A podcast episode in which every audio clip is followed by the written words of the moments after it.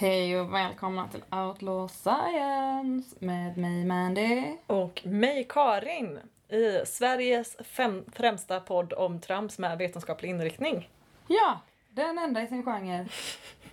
Det som, som sagt var, det man inte har i kompetens, det ska man ha i bristande konkurrens. Exakt, tänker jag ofta på med han som satte eh, Guinness världsrekord i att cykla under vatten.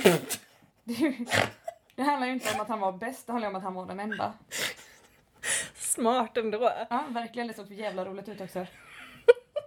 Ja, du, det kan jag tänka mig. Ja, men nog om det. Ja. Nu till något annat. Eh, ja, vi har inte fått några mail eller röksignaler eller andra uh, kvädesord. Vilket är bra och dåliga nyheter, för det betyder både att vi inte sa något fel men också att ingen vill ligga med mig. Ja, just det. Så att... eh, Jag har aldrig varit så tomt i mailkorgen som när jag pimpade ut dig. ja, ja. Ja, Det är vad det är. synd. Bättre lycka nästa gång. Ja, man lever på hoppet. Det gör man. Den här. Nog om det. Nog om det, nog om dig, nog om skamvrån som för en gångs skull var du som fick skämmas i. Ja, det är skönt med omväxling. I- Idag så ska vi prata om något helt annat. Nämligen M, O, vad blir... OMG. Ge mig ett G! Ge mig ett M! Det där är inget M Walter. Ja, I alla fall, vi ska prata om GMO. Genetically modified organisms. Genetiskt modifierade organismer. Exakt. Bra översatt. Funkar på både svenska och engelska. Precis. Så bra. Och man brukar dela in det i två undergrupper som är växtförädling och gensplicing eller rekombinant DNA. Ja. Spännande. Ja, och eh, växtförädling är ju någonting som har funnits väldigt länge. Människan har alltid velat... Eh, Sedan tidernas begynnelse. aldrig nöjd. Nej. Den här potatisen är alldeles för liten. Det här vetet, fy fan vad töntigt, borde heta vek. Eh, istället för... Nej, vi, vi, går, vi går vidare! Vi släpper det. Alla skämt kan inte bli bra. Nej.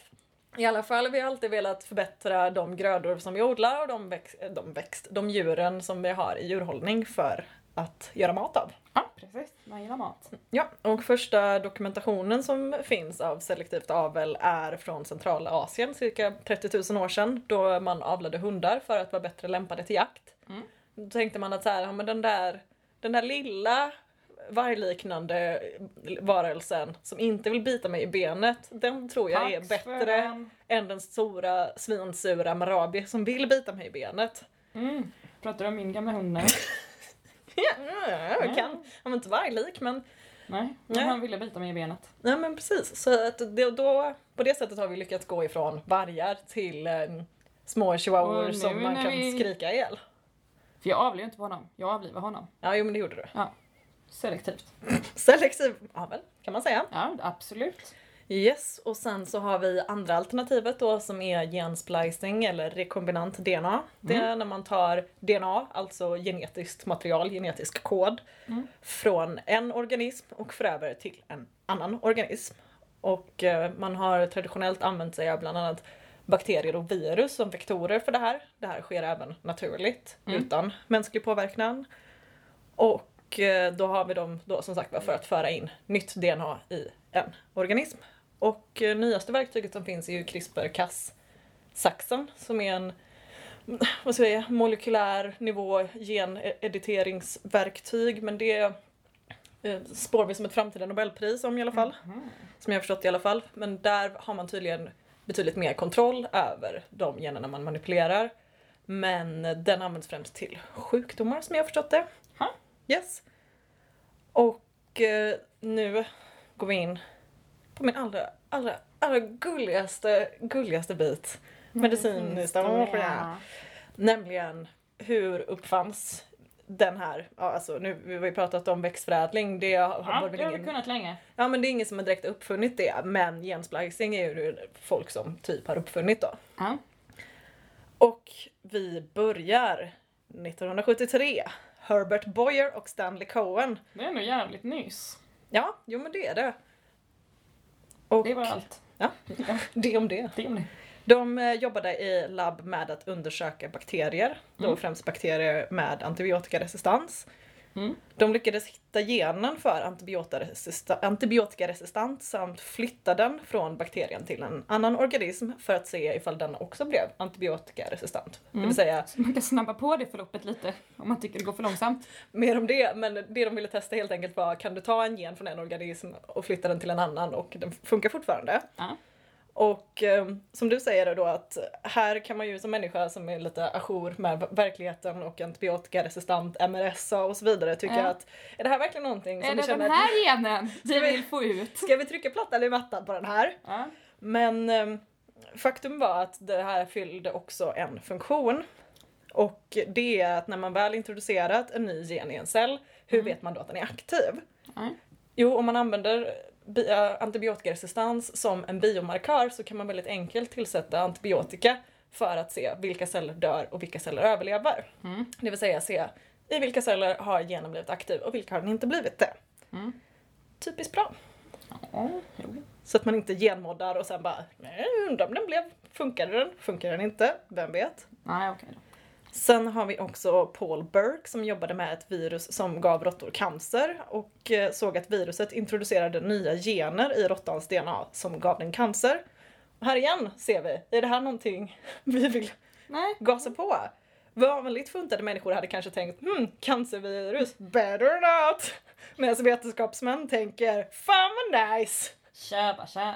Låt oss spana djupare ner i det här. Ja, absolut. Men eh, som, vi tänkte säga, som vi vet, men ibland så är det ju faktiskt så att folk som sysslar med vetenskap inte är helt dumma i huvudet. Nej. Utan efter den här upptäckten så eh, insåg man att rädslan för cancervirus är ganska rimlig Ja. och eh, 1974 la man fram ett eh, moratorium, alltså helt stopp för forskning på genetisk modifikation innan man hade kommit fram till ett bra regelverk kring etik och säkerhet och allt sånt där. Mm. Typiskt nice när vi pratar om cancervirus. Typiskt nice. Och även antibiotikaresistens känner jag att man gärna vill reglera. Ja, precis. Så 1975 så hade man en stor konferens då i alla fall, Mm. som jag har för mig fortfarande pågår, men då kom man i alla fall fram till ett, ett regelverk för säkerhetsprinciper, Pågår etik. konferensen fortfarande? Den är årligen. Okej. Den Ja. har inte varit. Ja. Ja, Nej, jag vill förtydliga det. nej, men det är bra. Ja. Bilden är det tydligt. Ja, det är vi. Och eh, man pratar oftast om GMO i form av livsmedel med märkning hit och dit och ris och majs och allt sånt där. Ja. Men GMO har faktiskt även stor vikt inom medicin. Just det. Så exempelvis 1921 så upptäckte Charles H. Charles H. Best och William Bunting, Bra som, som i bantning då, Ja. Eh, De upptäckte insulinet, vilket de fick Nobelpriset Ah. i medicinfysiologi för, samt ledde till att diabetes typ 1 inte längre var en dödsdom. Yay! Och eh, insulinet man använde var ursprungligen utfunnet ur grispankreas. Vilket bland annat kunde leda till eh, allergiska reaktioner och det var ju heller varken halal eller kosher då, om Nej, det blir det ju inte. Nej. väldigt inte så. Men 1978 så upptäckte man med hjälp av rekombinant-DNA ett sätt att tillverka humant insulin. Okej. Så att man satte helt enkelt in DNA i bland annat E. coli-bakterier då, som Mm. sen producerar mänskligt insulin. Häftigt. Vilket är bättre, billigare och ja, amazing helt enkelt. Ja. Så att eh, Det 1970 låter amazing. Ja, så det är Ja. första livsmedlet som kommer ut på marknaden som har eh, rekombinant DNA i sig. Coolt. Sen finns det även, eh, vad är det, genmodifierade getter vars mjölk tillverkar eh, proteinet eh, antitrombin. Som. Mm. som hjälper till med koagulerande effekt i blodet då. Det fanns även en gris ett tag. Det är tufft ändå. Som, fast den hade inte en sån mjölk. Den hade en gen som gjorde att den var bättre på att ta upp fosfor. Så Ah, den fick mindre fosfor i eh, avföringen. Och så var den miljövänlig. en ekogris. Ja, den kallades för miljögris. Den blev ingen hit. De slutade med det. Men jag ville bara lägga in det som en notis för jag tyckte det var roligt. Ja, vad kul. Ja. Sen finns det ju även EPO som inte bara är en metod för att få Lance Armstrong att cykla fortare utan en behandling för människor med anemi som inte kan tillverka tillräckligt mycket röda blodkroppar. Mm. Och en uppsjö av massa cancerbehandlingar som också är baserat på rekombinant DNA. Mm, det här tycker jag inte att de, eh, man har tillräckligt mycket emot. Inte tillräckligt många som är pro-cancer här tycker du? Nej, precis. Nej, men jag tänker så här att ska man vara mot någonting, då får man ju vara mot det på riktigt.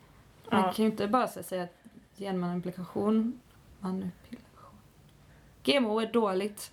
Då kan man inte bara säga, och sen välja vilka saker som är dåligt. Jag skulle nog vilja Då säga får man ju också så här, säga, jag är emot GMO och jag hatar folk som blir friska. med diabetes. Ja, å andra sidan är inte vår podd ganska mycket resultat av att människor är inte speciellt vad ska vi säga, fasta i sin övertygelse när det Jo. kommer till hitta på utan det är så här, jag, är- jag är emot det när jag uppfattar att det är dåligt för mig. Men, Jag är emot det ibland. ja, men exempelvis som människor som är antivaccin, blir de sjuka så är det väldigt många som ändå går till sjukhuset. Ja, fusk. Bu! Svag Ja, men- tro! Ja, verkligen. Svagt kött! Ja. Svag ande! Svagt alltihopa! Tack, jag vet jag principfasta personer. Jag tänker på såna här Jehova som kommer in och bara du har blodbrist. Ah, Tough så dör de. Adjö! Alltså jag, jag, jag håller ju inte med dem, jag respekterar fan folk som står fast. Ja, principfasthet Ja. är verkligen underskattat. Och det saknar jag i många såna här. Man gör ju det. Ja, nog om det. Vad, du, ska, du vill prata om något? Ja, eller så är det du som ska prata om Jag någonting. kan prata. Gör det! Jag hade gjort det, gör det! Ja, nej men eh, så här är det ju att eh, på tal om då folk som är arga. Mm. Alltså de är ju inte arga med orätt alltid. Nej. För när vi pratar om GMO idag så pratar vi ju, eller vi pratar väl inte så mycket om GMO, du och jag The personligen varann. colloquial, colloquial Men- we. Ja, precis. När man hör folk prata om GMO så är det ju saker människor ska äta Mm. som är den stora snackisen. Ja. Och då är ju idag de grödorna som eh, man odlar Mm. med, eh, som är GMO.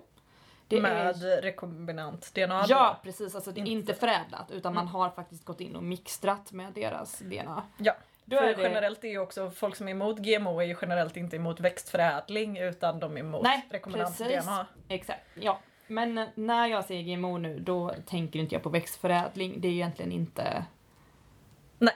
eh, Alltså, det här I folkmun så menar man ju rekombinant-DNA när man säger GMO Precis. men det är ju både och egentligen. Ja, Så, ja. men jag, eh, Du tar folkmunnen i din jag mun tar folkmun och säger i min mun. "Mwah!"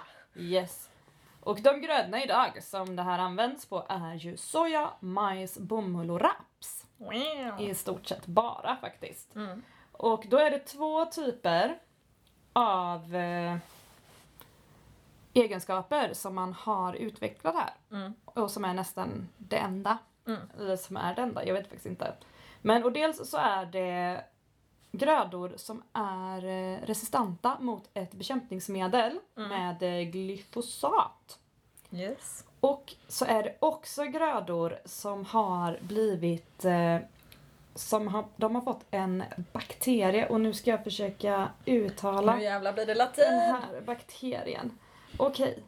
Bakterien heter Bacillus thuringiensis. Tjusigt. Förkortas BT. Och det här är eh, en bakterie som är ett insekt- insektsbekämpningsmedel. Och den här har man alltså lagt in i grödorna så att Mm. grödorna producerar själva det här bekämpningsmedlet. Vilket Mm. betyder att de behöver inte besprutas överhuvudtaget utan om en insekt biter i dem så kommer insekten att dö. Typiskt käckt. Ja, så det är alltså de här två olika delarna. 2015 så var 14% av alla genmanipulerade grödor Mm. var sådana BT-grödor, alltså de som hade den bakterien. Mm. Skadedjursresistenta. Skadedjursresistenta. Och sen var 53% herbicidtoleranta, alltså sådana som tål bekämpningsmedel. Mm. Och 33% var både och. Yes. Så det är en väldigt, väldigt liten del här som är skadedjursbeständig. Ja. Och en väldigt stor del som är bekämpningsmedelbeständig. ja. Och det är ju det här som har fått en del kritik, med all rätt. För det som har hänt är ju att man har alltså utvecklat grödor som tål bekämpningsmedlet som oftast används. ja. Vilket leder till att det finns ingen... Alltså, Gräns. nej, men det finns ju ingen anledning att bespruta mindre. Den enda Nej. anledningen att bespruta mindre det var ju att även dina grödor dog. Ja. Men nu har du grödor som tål bekämpningsmedlet så eh, bekämpningsmedelsanvändningen gick ju upp med ett par hundra procent när de här grödorna kom. Och det är ju generellt ingenting som man skulle säga är en bra pitch för att sälja någonting. Jag vill ta här- tillbaks den siffran Jaha. för jag hittade på den. Alltså det här var ju så här uttryck när jag var ett par hundra procent och så hörde jag på dig att du trodde att jag läste någonstans och skulle kunna backa upp den med källa. Det kan jag inte. Ja, det var ju mitt fel att tro att vi baserar uttalanden på fakta i den här podden. Men Mm. det är okej. Det, det, den har ökat kan vi säga. Den har ökat. Nej men jag läste faktiskt en siffra någonstans, jag har bara inte skrivit ner den. Det, det, det ökar väldigt mycket. Den har ökat med en siffra. Den ökar med siffra. Yes. Men också så gjorde det här att eh, när du sprutar så ohämmat Ja. så blev ju även ganska många insekter och ogräs resistenta. Och det bildades sån här superogräs som plötsligt inga bekämpningsmedel rådde på. Och så fick du öka dosen igen och komma med nya giftigare bekämpningsmedel och så vidare. Och så vidare. Ja. Det blev en jävligt ond spiral. Ingen vann. Ingen vann på det. Om man Och- jämförde med att göra dem eh, skadedjursresistenta då istället. Precis, vilket är en superbra idé. Ja. Men då är människor lite rädda för att det som händer då är ju att då har du ett bekämpningsmedel som växten producerar själv. Ja just det, då kan man inte tvätta bort det med ett Du vinä- kan vinägerbad. inte tvätta bort det med varken vinäger eller citron. Åh nej! Och då är människor lite rädda för att så bara, ja men då kommer jag ju också äta det. Ja, det kommer du. Och enda gången det är lite tråkigt, det är om du vaknar upp som Frans Kafkas Förvandlingen och är en stor insekt. Om du gör det en morgon, om du Ja. vaknar upp är en stor insekt, då vill jag ändå varna för, för- andra problem. Dels det, men också kom ihåg, majs, soja, raps, bomull. Håll dig undan från det. Ät dem inte. Nej, jag skulle vilja säga att det finns andra problem med att vara en stor insekt för syrehalten i atmosfären är så pass låg att den kan inte stödja exoskelett för en organism som är så stor. Visste Kafka det? Förmodligen inte, men Nej, å andra sidan, vissa element i den boken var ju lite science fiction-aktiga. Ja. Så man, inte kan anta, man kan anta att han tog sig vissa kreativa friheter. Ja, precis. Yes. Eh, det var det jag ville ha sagt bara. Precis som att vi människor kan äta choklad men inte ge det till våra hundar och dricka kaffe men inte bör ge det till några djur. Nej. Så är de här... Eh, Olika saker. den här bakterien dödar insekter men är ofarlig för oss. Så det är lugnt. Ja, och också det här med att dosen gör giftet och att olika organismer är olika. Insekter är super, super små, nästan töntigt små. Ja. Mm. Och det är inte vi. Mhm. Ja. Nej men så alltså det är en helt rimlig kritik. Ja. Sen så har det ju också varit det här eh, rädslan för att det har ju kanske inte bedrivits så mycket forskning på det här området. Man vet till exempel inte vad som händer om sådana här växter eh, korspollineras med andra växter och så vidare. Vad händer med alla de här egenskaperna och hur blir det när Nej. de kommer ut i naturen? Kolla på Jurassic Park som exempel. Blev dåligt. Typiskt fall av korspollinering. Eh, ja. Eh, eller? Nej, nej men eh, Men jag skulle väl också vilja säga att mycket handlar ju om att kunskap om genetiskt material är ganska begränsad. Alltså vi, vi, vi vet inte allt om hur gener funkar och vilka aspekter som kan aktiveras och inte och allt sånt där och, och under olika förutsättningar. nej. Vi, vi har ju fortfarande inte riktigt stenkoll på vårt eget DNA. Vi har ju loggat alltihopa sånt där men det, vi har ju fortfarande inte kunnat lösa alla genetiska sjukdomar exempelvis. Nej. Lite som när mitt mående. Jag har loggat det genom åren. Jag har inte löst det. Men... eh, Du har datan men du kan inte vad lösa fan den. ska jag göra med den? Ja. Nej men en sak man har gjort då som också fått kritik och det är ju också så, eh, tycker jag är spännande. För man har faktiskt gjort så för att undvika den här problematiken som möjligen skulle kunna bli. Man vet inte vad som skulle hända om det här kom ut och började korspollineras och blev nya grödor och så vidare. Ja, alltså en, en stor risk som folk är rädda för är ju monokulturer, alltså att eh, vad ska vi säga, en, skad, ja, men en skadedjursresistent växt skulle ta över och ha större motståndskraft jämfört med naturligt förekommande grödor och att man då skulle kunna exempelvis få Mm. invasiva arter. Och då har man ju gjort så att de här grödorna som är motståndskraftiga, Ja. de har sterila frön. Mm. Så det betyder alltså att när den här växten har vuxit upp och släppt alla sina frön och den är klar med sin cykel Mm. så händer inget mer. Nej. Eh, det är svinbra ur den aspekten. Mm. Men då är ju folk arga. Också kanske lite med all rätt, jag vet inte. Jag, jag, jag känner inte att jag behöver bli politisk. Jag behöver inte ha en åsikt. Jag vill ha en åsikt, men jag har inte det. Nej men, för det som händer då är ju att bönderna behöver nästa år köpa frön igen. Ja. Du kan aldrig bli självförsörjande. Du Nej. kan inte ha en gröda och sen odla på samma nästa år utan du är beroende av att hela tiden köpa nya frön.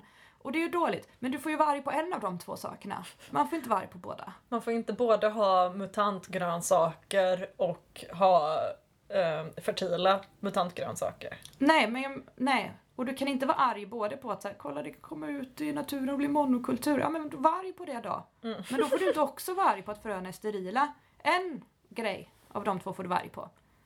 Ja. Ja, det var allt. Men det här leder oss osökt in på, Monsanto!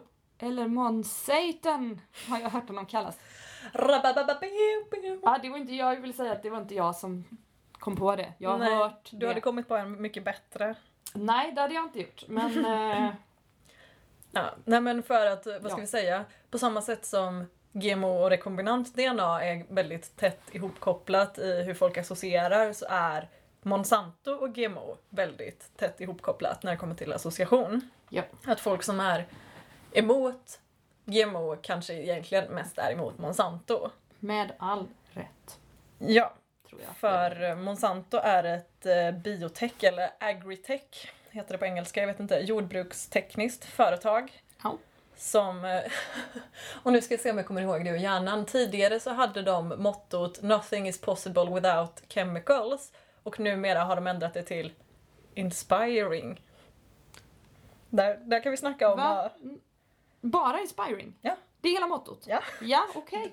Ja, för jag vi funderar på vilket av orden de hade bytt ut, men de hade bytt ut hela mottot. Jajamän, Alla ord mot “Inspiring”. jag förstår. Det känns ju som eh, när man eh, försöker sätta läppstift på en ekogris. Lite så. Det, det, det hjälpte ju inte riktigt att uh, förnya deras rykte. Nej, för att de är ju tyvärr kända för att vara sämst Ja, på ett etiskt men plan. någon måste vara sämst också. Ja, jo, så är det. Men man måste inte vara fullt så sämst. Nej, nej. Man kan ju vara sämst bara av misstag snarare än att köra gasen åt fel håll. Liksom. Ja. att köra ett bilrace och vända bilen så man krockar. Ja, utlägg, whatever. De gjorde det ekonomiskt, taktiska men moraliskt ganska buiga draget att tillverka ogräsmedlet Roundup som då är en glyfosfat. Men Precis. de satte patent på det i alla fall.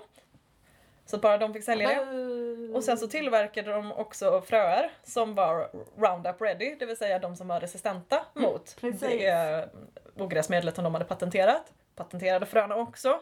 Mm. Så att vi har, eh, de har ju lite liksom lå- låst fast folk där i att vill de kunna använda deras ogräsmedel så måste de rimligen också använda deras fröer för att få en så bra skörd som möjligt. Och vill de använda deras fröer, då måste de köpa dem igen nästa år. Ja, för man får inte ta dem från tidigare skördar även om dessa skördar då är från Monsanto-frön som man tidigare har köpt. Men det gick väl inte heller? Är inte alla de sterila? Ja, det kanske de är, men eh, Jag vet inte. nej, inte heller. Ja, Va- Val- Walter hälsar. Ja.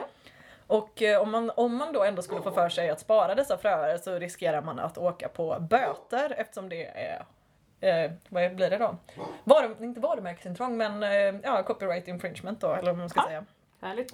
Andra tråkiga saker Monsanto har på sitt samvete. Eh, skänka patentfröer till Haiti post 2010 jordbävningen och konkurrera ut lokala bönders grödor så att eh, Haiti behöver, trots att de lider av svår svält, behöva bränna upp de här jävla fröna.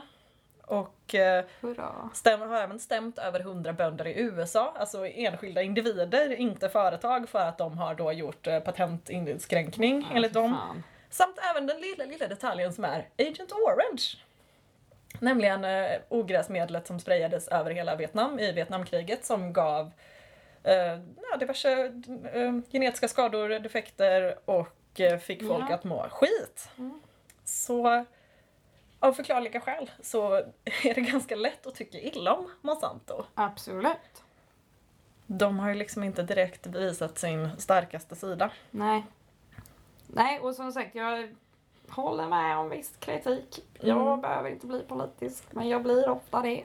Nej, och jag tror också att det kan vara ett ganska enkelt sätt att eh, plocka poäng när det kommer till eh, att vara anti-GMO. Att man tar Monsantos eh, oetiska agerande som en form av svepskäl till varför all GMO är dåligt. Ja, absolut. Och det här är ju också när man eh, gottar ner sig i olika debattartiklar och så vidare. Mm. Så återkommer man väldigt ofta till att de som är emot GMO, de är ju emot exakt det här. Mm. Med rätt. Ja, Men att det är ju inte det här som är GMO. Det här är ju... Det du, kapitalism. ja, jag skulle säga det du är emot, det är ju kapitalism och USA. Ja. Och Imperialism. rimligt! Det är helt rimligt. Ja, jätterimliga saker att vara emot. Bara Tjäna pengar på fattiga människor som lider. Ja, det är var ganska... arg! Bli upprörd! Men kanske inte på GMO specifikt Nej, då. precis. Alltså Utan- GMO har ju ganska... Det skulle ju kunna göra bra saker också. Jag kan ta upp en, en Ja. sa- bra sak som GMO Bra faktiskt sak. har gjort. Ja. Nu är det ju då specifikt växtförädling då snarare än rekombinant DNA. Men Ja. Norman Borlaug han körde selektiv avel då genom att kombinera över tusen olika sorter av vete som han då korsade fram och tillbaka. Mm. Innan han kom fram till en sjukdomsresistant kortväxt vete med hög skörd. Mm. Eller dubbel skörd var det till och med.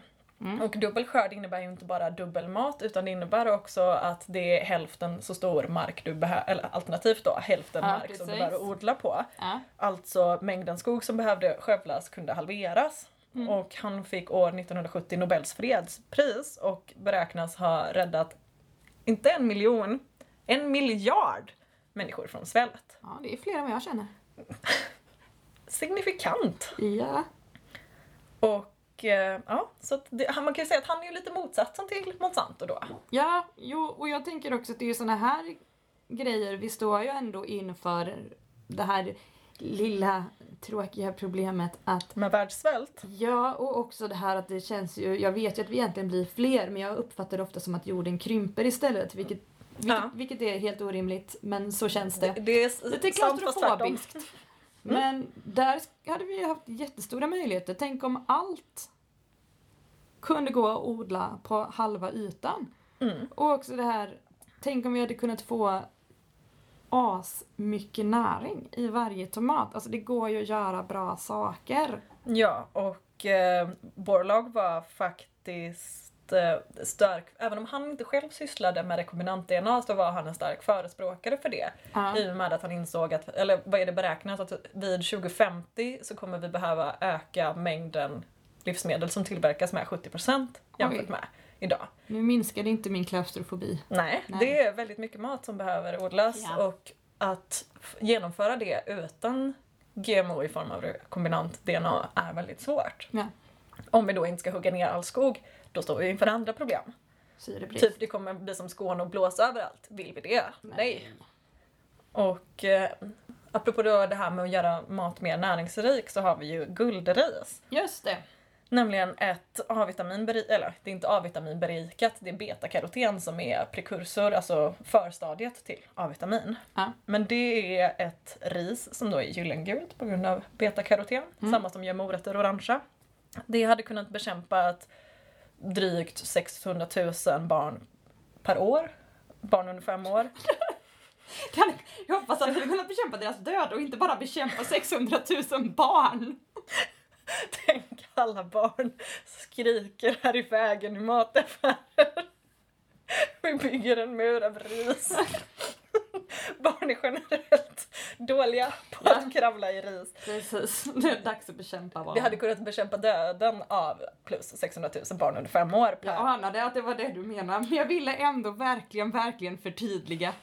Så inte folk tror att vi är emot 600 000 barn per år. Precis. Och eh, även kunnat eh, bekämpa blindhet som Mhm. är vanligt vid form av allvarlig A-vitaminbrist.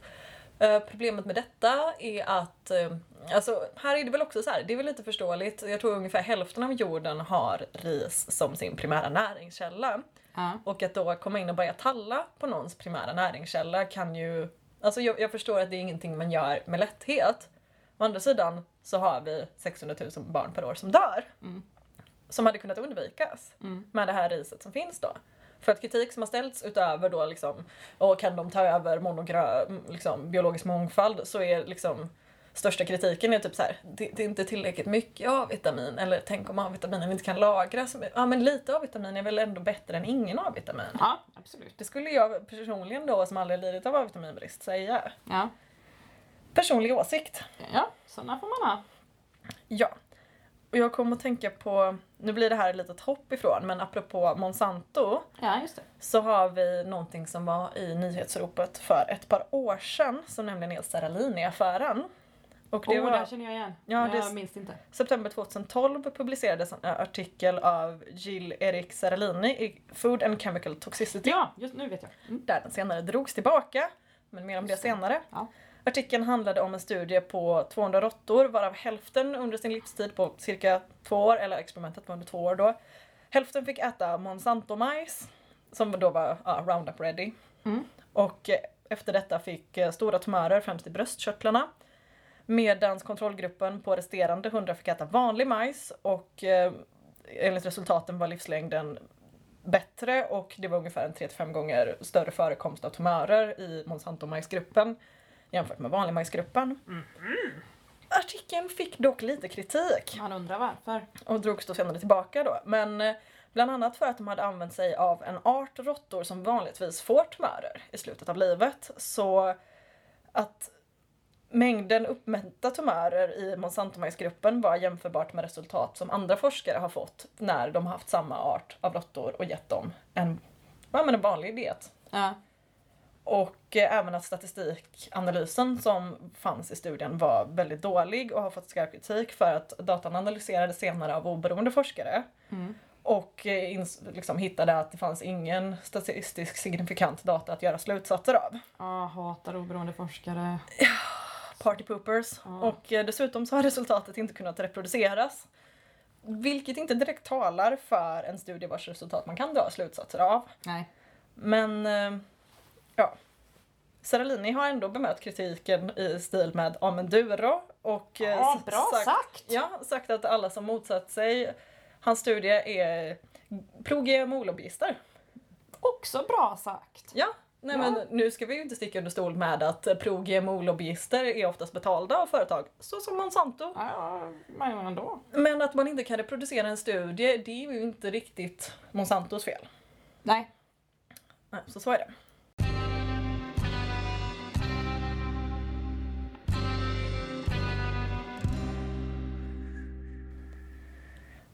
Jag tänkte ta upp också lite annan kritik som finns emot GMO. Mm. Som är bland annat allergier. Exempelvis om man rekombinerar, och nu, nu kommer jag inte ihåg, men jag tror det var att man fanns ett exempel där man tog DNA från en ishavslevande fisk vars, som inte då dog i temperaturer nära noll. Ja. Tog det DNA och spliceade in i en tomat, eller om det var ett äpple, för att få dem frostbekämpande då, eller vad man ska säga. ja. Och då kan man som dig, som är fiskallergiker, Ja, då tänka att det här var inget bra. Och skit också. Ja, men fördelen är ju då att den här konferensen 1975, de hade det i åtankarna. Ja. Så att innan du får släppa en vara på marknaden så är test för allergener någonting som de genomgår. Tack, konferensen. Och sen hade vi också det där med cancervirus. Att om du, om du skulle göra splicing på en farlig patogen kan du inte då råka göra den ännu mer farlig och superfarlig och alla dör och hej och hå vad dåligt det blir. Ja. Men då, 1975, kom de på att nej men vad sägs om att vi inte gör så mycket forskning på patogener? Ja. Och om du gör det så är det väldigt många svåra, jobbiga, tunga säkerhetsprotokoll man måste gå igenom. Är rimligt. En annan kritik är, tänk om maten blir mindre näringsrik? Precis. Och då kan man ju lika gärna säga, tänk om den blir mer näringsrik? Ja, ett modern form av Ja, men du då? Nej men som exempelvis med guldriset då Ja. så kan man ju faktiskt göra mat mer näringsrik. Vilket då, som vi pratade om också, skulle vara en fördel för ökad befolkning och Ja, och jag tänker att det känns ändå som en rimligare grej folk skulle syssla med. Jag vet inte, jag är väl en obotlig optimist. Men jag får för mig att det är så här vi har tänkt att använda den här tekniken. Ja men också så här, igen det vi pratar om, dåligt säljknep. Att säga att någonting innehåller exempelvis mer besprutning och mindre näring känns ju som dåliga sätt att sälja dem. Ja, absolut. Sen har vi ju också en, det här är väl kanske lite mer av den esoteriska formen av kritik som är att, ja men tänk om du har ett äckligt Frankenstein-DNA i en växt, tänk om jag får äckligt Frankenstein-DNA i mig, tänk, kan man få för mycket DNA? Och då kan vi trösta er med att eh, DNA bryts ner i matsmältningsapparaten så att, till aminosyror. Att de här människorna tänker jag kanske har tagit det här du blir vad du äter till Ja. lite för stor verklighet och vi vet ju trots, eh, var det Vasas reklam? Som sa du blir vad du äter. Nej men gud, det minns jag inte. Ja det kanske var oavsett äter du knäckebröd så blir du inte knäckebröd. Så på samma sätt om du äter fisktomat så blir du inte en fisktomat. Men du kan dö om du är allergisk mot fisk. Nej, Nej, tack. för att man testar för Alla gener. det. Absolut. Ja. Ding ding dong. Och eh, Anna, mer kritik. Eh, Ja, mer kritik. eh, biologisk mångfald, Ja. det som vi pratade om. Med, med tänk det? om de tar över ja. Och då har har de ju sett till att de inte kan det med hjälp av sterila frön. Men Ja. också att jag skulle nog inte säga att det här är ett problem isolerat just till GMO-grödor utan vi har redan väldigt stora problem med monokulturer. Det vill säga att vi, vad ska vi säga, hur ska man definiera monokulturer? Vi odlar bara en form av växter för att det är de som är, ger bäst skörd. Eller ett exempel är bananplantor. De Ja. har vi ju förädlat till en sån punkt att de är helt sterila. Så Mm. alla bananplantor förökas genom att man bara delar på dem, tar skott. Vilket gör att Mm. de är också väldigt, väldigt känsliga för sjukdomar, bland annat bananpest. Jaha. En sak som jag tycker vi kan också trycka på det här med att även om man är rädd för GMO i form av DNA-splicing Ja. s- så sker det naturligt i det sker naturligt i naturen. ja, det gör det och då vet man att det är bra. Ja, eller me- mer att vi kanske inte så mycket behöver oroa oss för att vi inte har kontroll för allting med tanke på att naturen har ju fan inte koll över någonting. Nej, Växter har generellt väldigt dålig koll på vad de gör i och med att de saknar centralt nervsystem. det är därför vi har valt att utrota nästan alla av dem. Nej men som man, om exempelvis om du någonsin ätit en sötpotatis så har du ätit naturlig GMO i form av gensplicing. Mm. För, eh, vad var det? Bakterien agrobacterium smittade någon gång för väldigt länge sedan rötterna på en växt som gjorde att de svullnade upp och blev fulla av socker och stärkelse. Ja. Old timey människor grävde upp de här och tänkte "F- hej vilken grej! Gott! Rötter, svullna rötter, uh, och planterade dem överallt. Så helt plötsligt sötpotatis överallt. Ja. Och man har gjort eh, DNA-testing på eh, sötpotatis över hela jorden då och sett att alla har eh, bakterie-DNA i sig. Mm. Och sen har vi ju en grej som jag tyckte var en jävligt cool grej. Ja.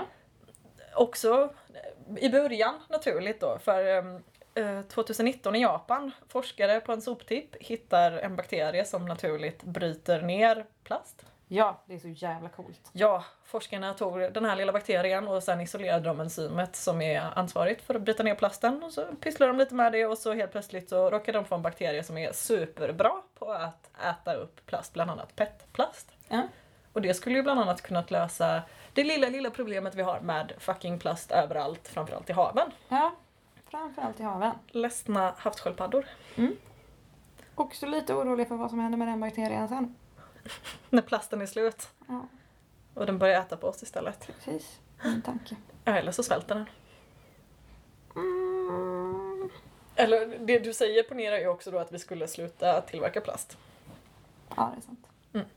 Det finns ju ändå en, eh, vad är det, en yta med plast i havet. Ytan är en areal som är motsvarande landmassan av Texas, delstaten i Ja, USA. Att Med höra. bara plast som liksom snurrar runt i havet som en hemsk, hemsk soppa. Så jag tror att eh, det, det känns som ett problem som man kan liksom gita över till kommande generation. Att vi kommer nog hinna dö innan bakterierna har käkat upp den plasten då. Skönt. Soft. Ja, bra. Ja, Det var allt jag ville veta. ja vad skönt.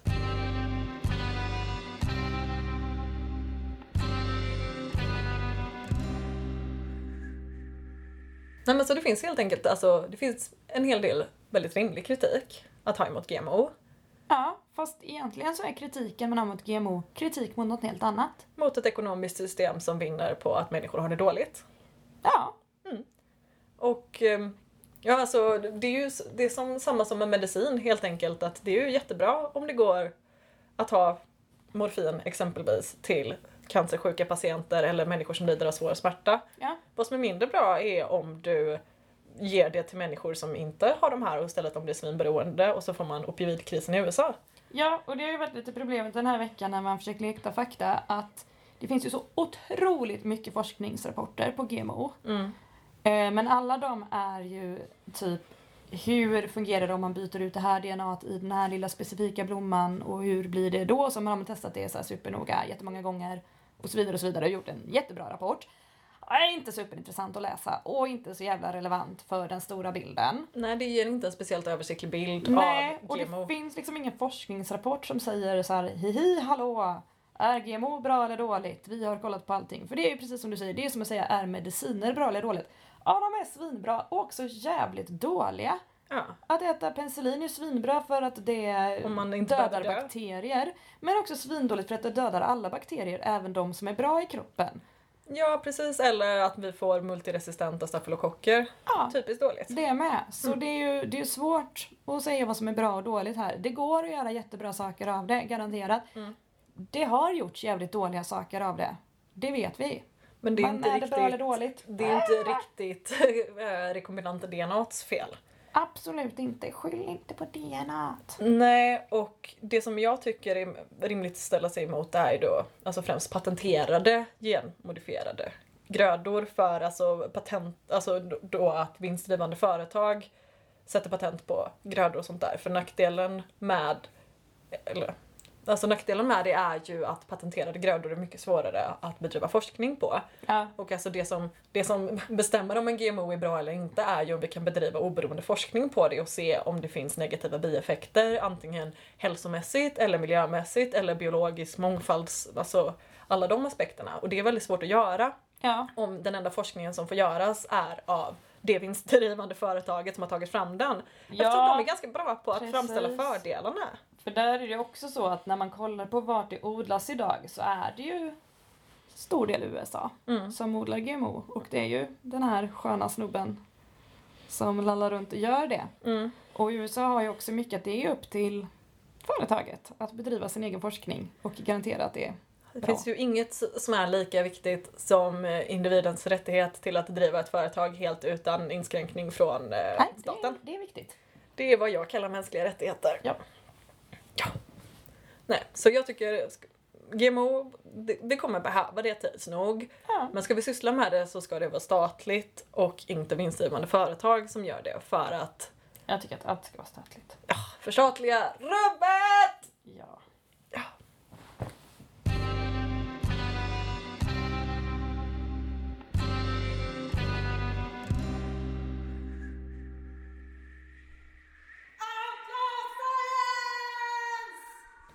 Jag tycker Ja. att man tänker för litet. Ja.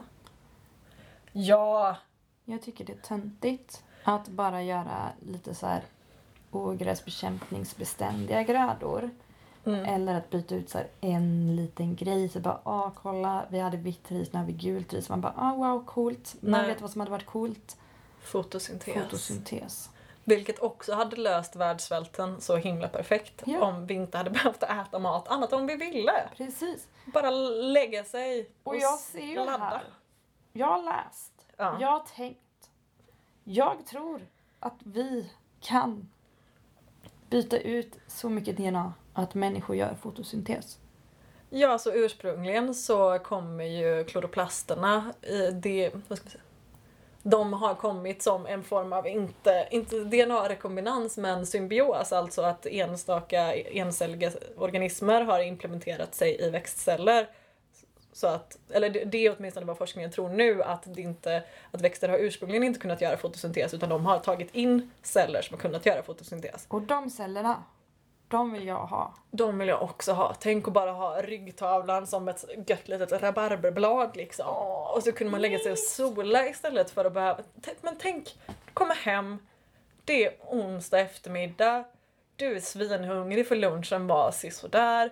Nu har du ingen mat hemma så du måste bestämma vad du ska äta, du måste köpa mat, du måste laga mat. Han är fan röv. Ja, istället för att bara... eh, Ja, nu har vi ingen sol i Sverige då. Nej precis, det är ett problem såklart. Men det är solarium. Ja. Ja. Ja. kanon. Eller ha eh, solenergi. En liten växtlampa i duschen. Åh! Alltså det är, det är så himla mycket min dröm. Ja, Och då skulle vi ju lösa så mycket andra problem också. jag vet. Försök, försök att ta patent på solen Monsanto. Aha. Ägd! De kanske bara skulle sätta upp stora paraboler i rymden Jag och... tänker också att i Sverige skulle ju växtlamporna gå bra. Nej men då, då kan vi ju också, tänker jag, att då kan vi kanske ta pengarna som annars skulle läggas på odling, jordbruk, mat och lägga dem på att fixa solceller svinbra istället. Ja. Nya jobb!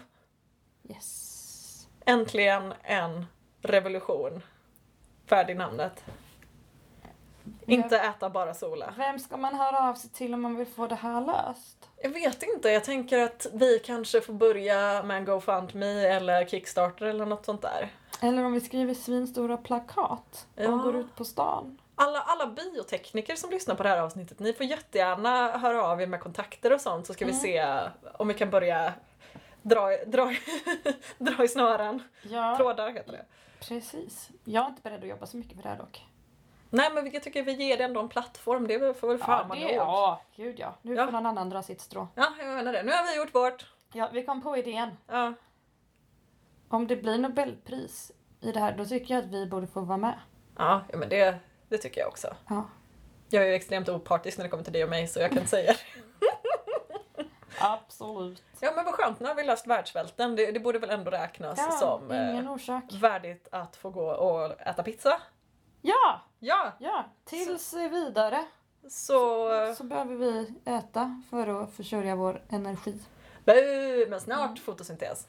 Åh. Och eh, ja, under tiden som vi utvecklar fotosyntes som människor så kan ni skänka, ja, mejla oss kan ni göra framför allt men också om ni vill ge oss pengar så är det patreon.com slash outlawscience. Ja, just det. Mailen är outlawsciencepodcast.gmail.com Där kan man eh, komma med lösningar på världssvälten, man kan dejta med en del, ska man skälla på oss, eller så kan man göra alla tre, vem vet? och eh, vi finns även på Facebook och Instagram under Outlaw Science. Det gör vi. Det gör vi. Det om det. Ha det! Ha det gott. Hej!